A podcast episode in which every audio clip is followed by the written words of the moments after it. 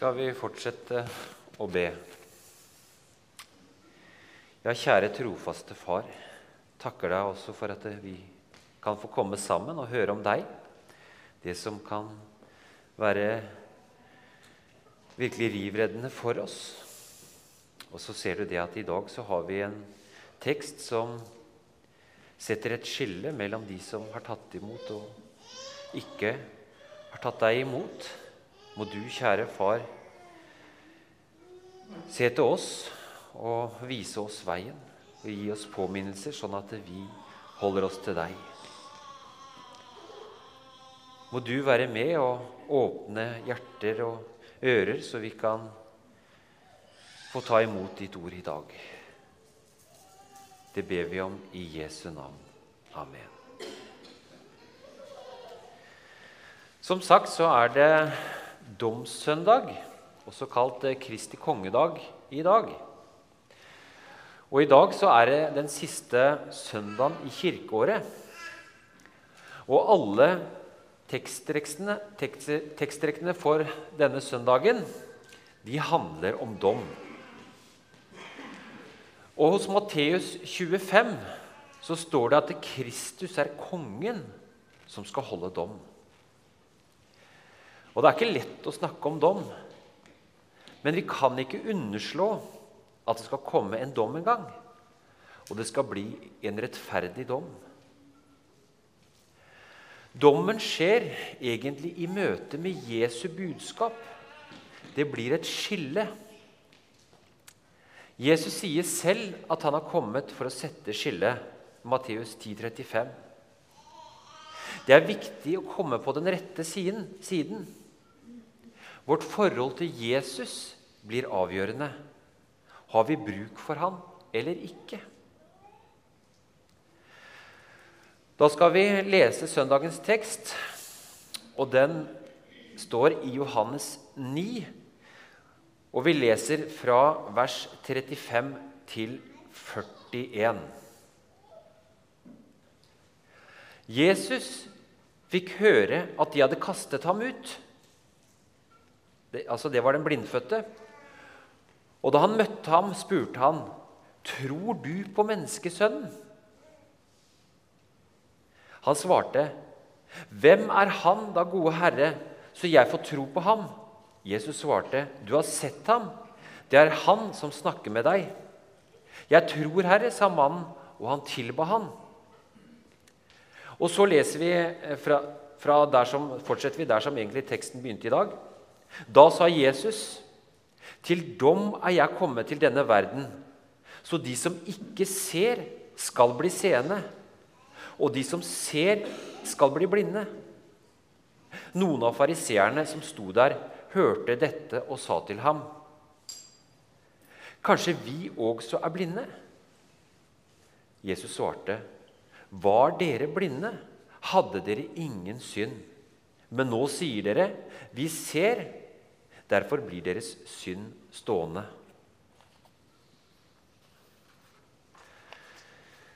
Dagens tekst finner vi i slutten av kapittel 9 i Johannes. Og jeg skal ta med litt av forhistorien, for da blir det lettere å forstå når vi hører det som har skjedd i forkant. Da blir det mening i det som Jesus sier til dom er jeg kommet. Kapittelet det starter med at Jesus helbreder en mann som er født blind. Jesus smører en blanding av jord og spytt på den blindes øyne. Og så ber han mannen å gå og vaske seg i dammen Siloa. Mannen gjør det Jesus sier, og han blir seende. Og så gikk det sånn at de, naboene til denne mannen her, de blir forundra. Og så ender det med at de tar han med seg til fariseerne. Og når han kommer til fariseerne, så blir han møtt av mistro. Og fariseerne de tilkaller foreldrene for å høre om han var virkelig blind. Og foreldrene hans de kan fortelle det at han var født blind. men nå ser han. Og Fariseerne kaller da mannen igjen til seg og ber han fortelle det han har opplevd. Og det ender med at mannen kommer med, kommer med en bekjennelse. Han sa, 'Det er da merkelig at dere ikke vet hvor han er fra, enda han har åpnet øynene mine.' Vi vet at Gud ikke hører på syndere, men bare på den som er gudfryktig og gjør hans vilje. Så lenge verden har stått, har ingen hørt om at noen har åpnet øynene på en som er født blind. Var ikke denne mannen fra Gud, kunne han ikke gjøre noe. Kanskje vil dere også bli hans disipler? Vil dere bli hans disipler? Det var ganske frimodig sagt. Og fariseerne reagerer naturlig nok. De skjeller han ut og sier, 'Du vil belære oss.' En synder er du tvers igjennom. Du er hans disipler, men vi er disipler av Moses.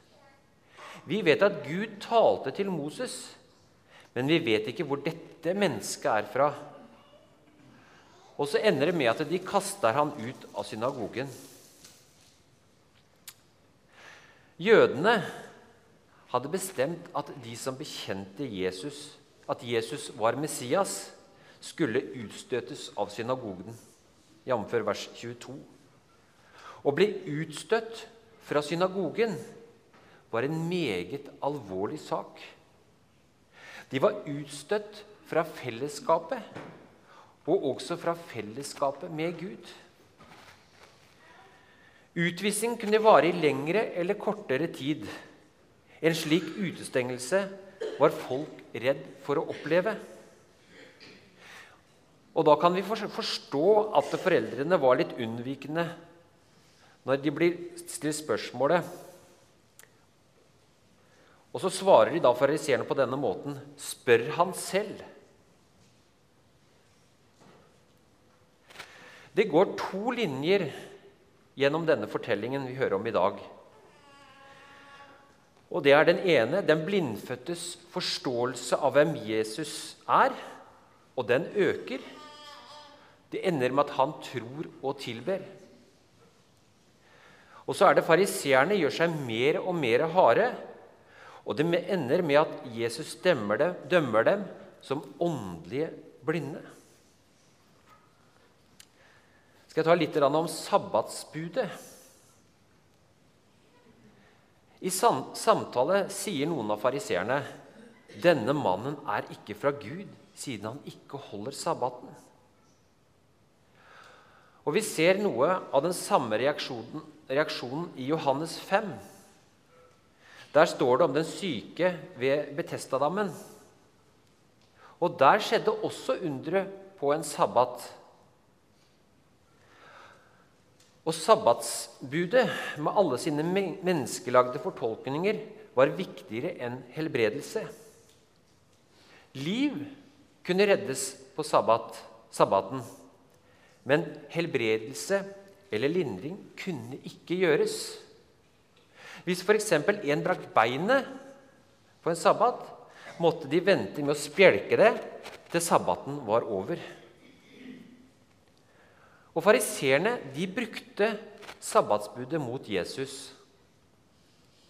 Og han brøt det etter deres fortolkninger. Men Jesus sier at han er herre over sabbaten. Det er barmhjertighet jeg vil ha, ikke offer. Da hadde dere ikke dømt den som er uten skyld.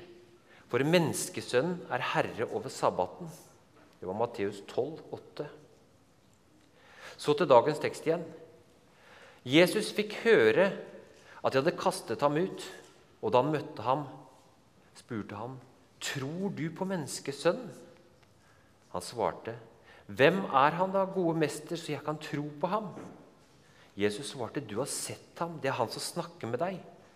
'Jeg tror, Herre', sa mannen, og han tilba ham. Jesus oppsøker altså den blindfødte han har jo ikke sett Jesus, bare hørt han da han sa at han skulle gå og vaske seg i Siloa. Jesus spør, 'Tror du på menneskesønnen?'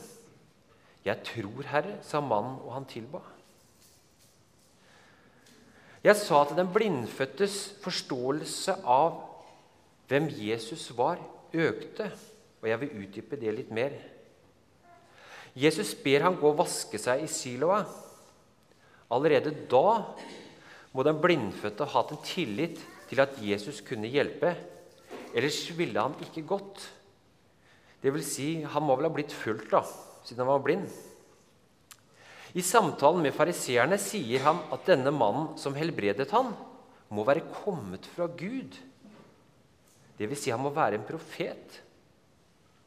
Så møter han Jesus, og han tror på menneskesønnen og tilber.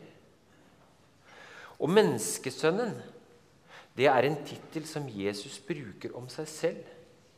Det brukes over 100 ganger i evangeliene.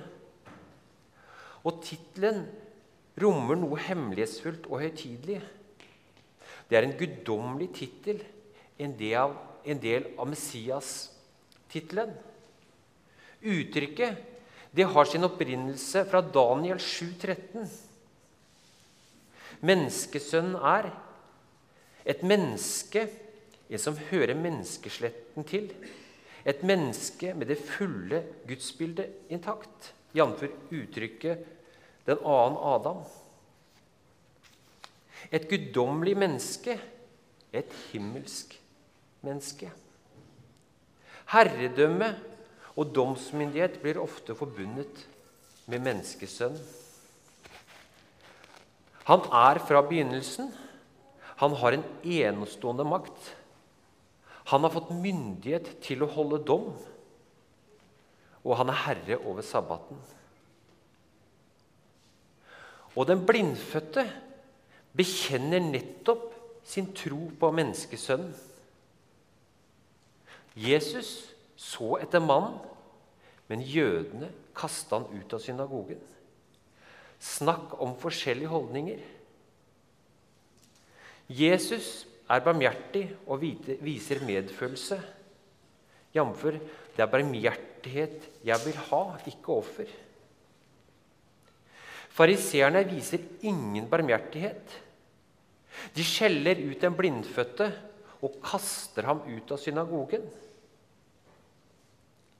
Etter at Jesus hadde åpenbart seg for den blindfødte, kretser den videre samtalen seg om dom.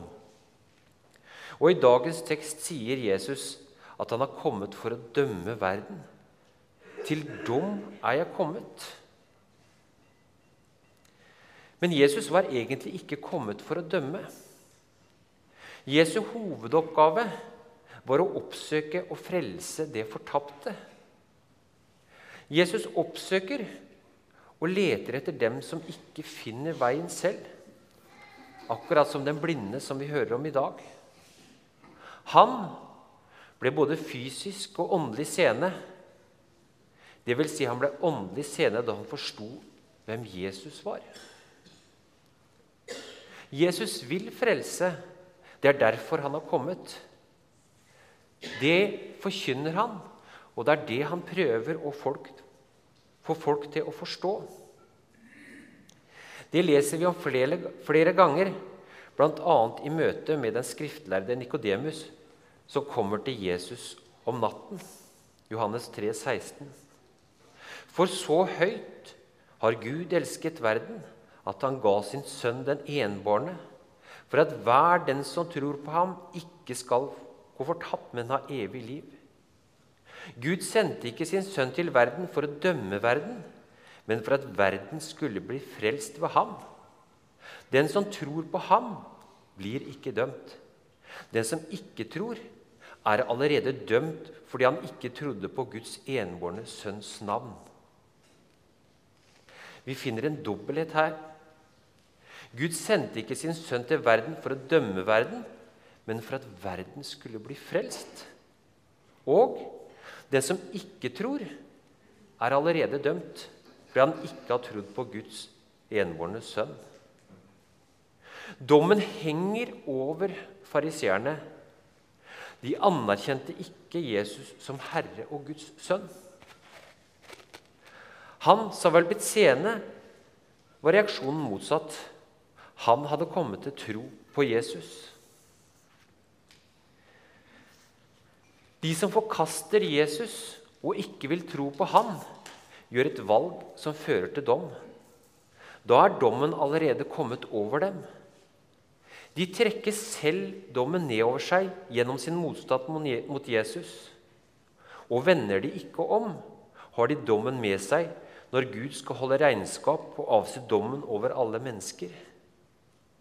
Så skal han si til dem på sin venstre side.: Gå bort fra meg, dere som er forbannet til den evige ild som er gjort i stand for djevelen og hans engler.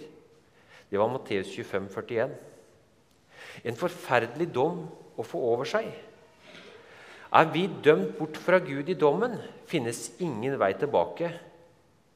Muligheten som en hadde til å velge Jesus mens en levde, er ikke lenger til stede.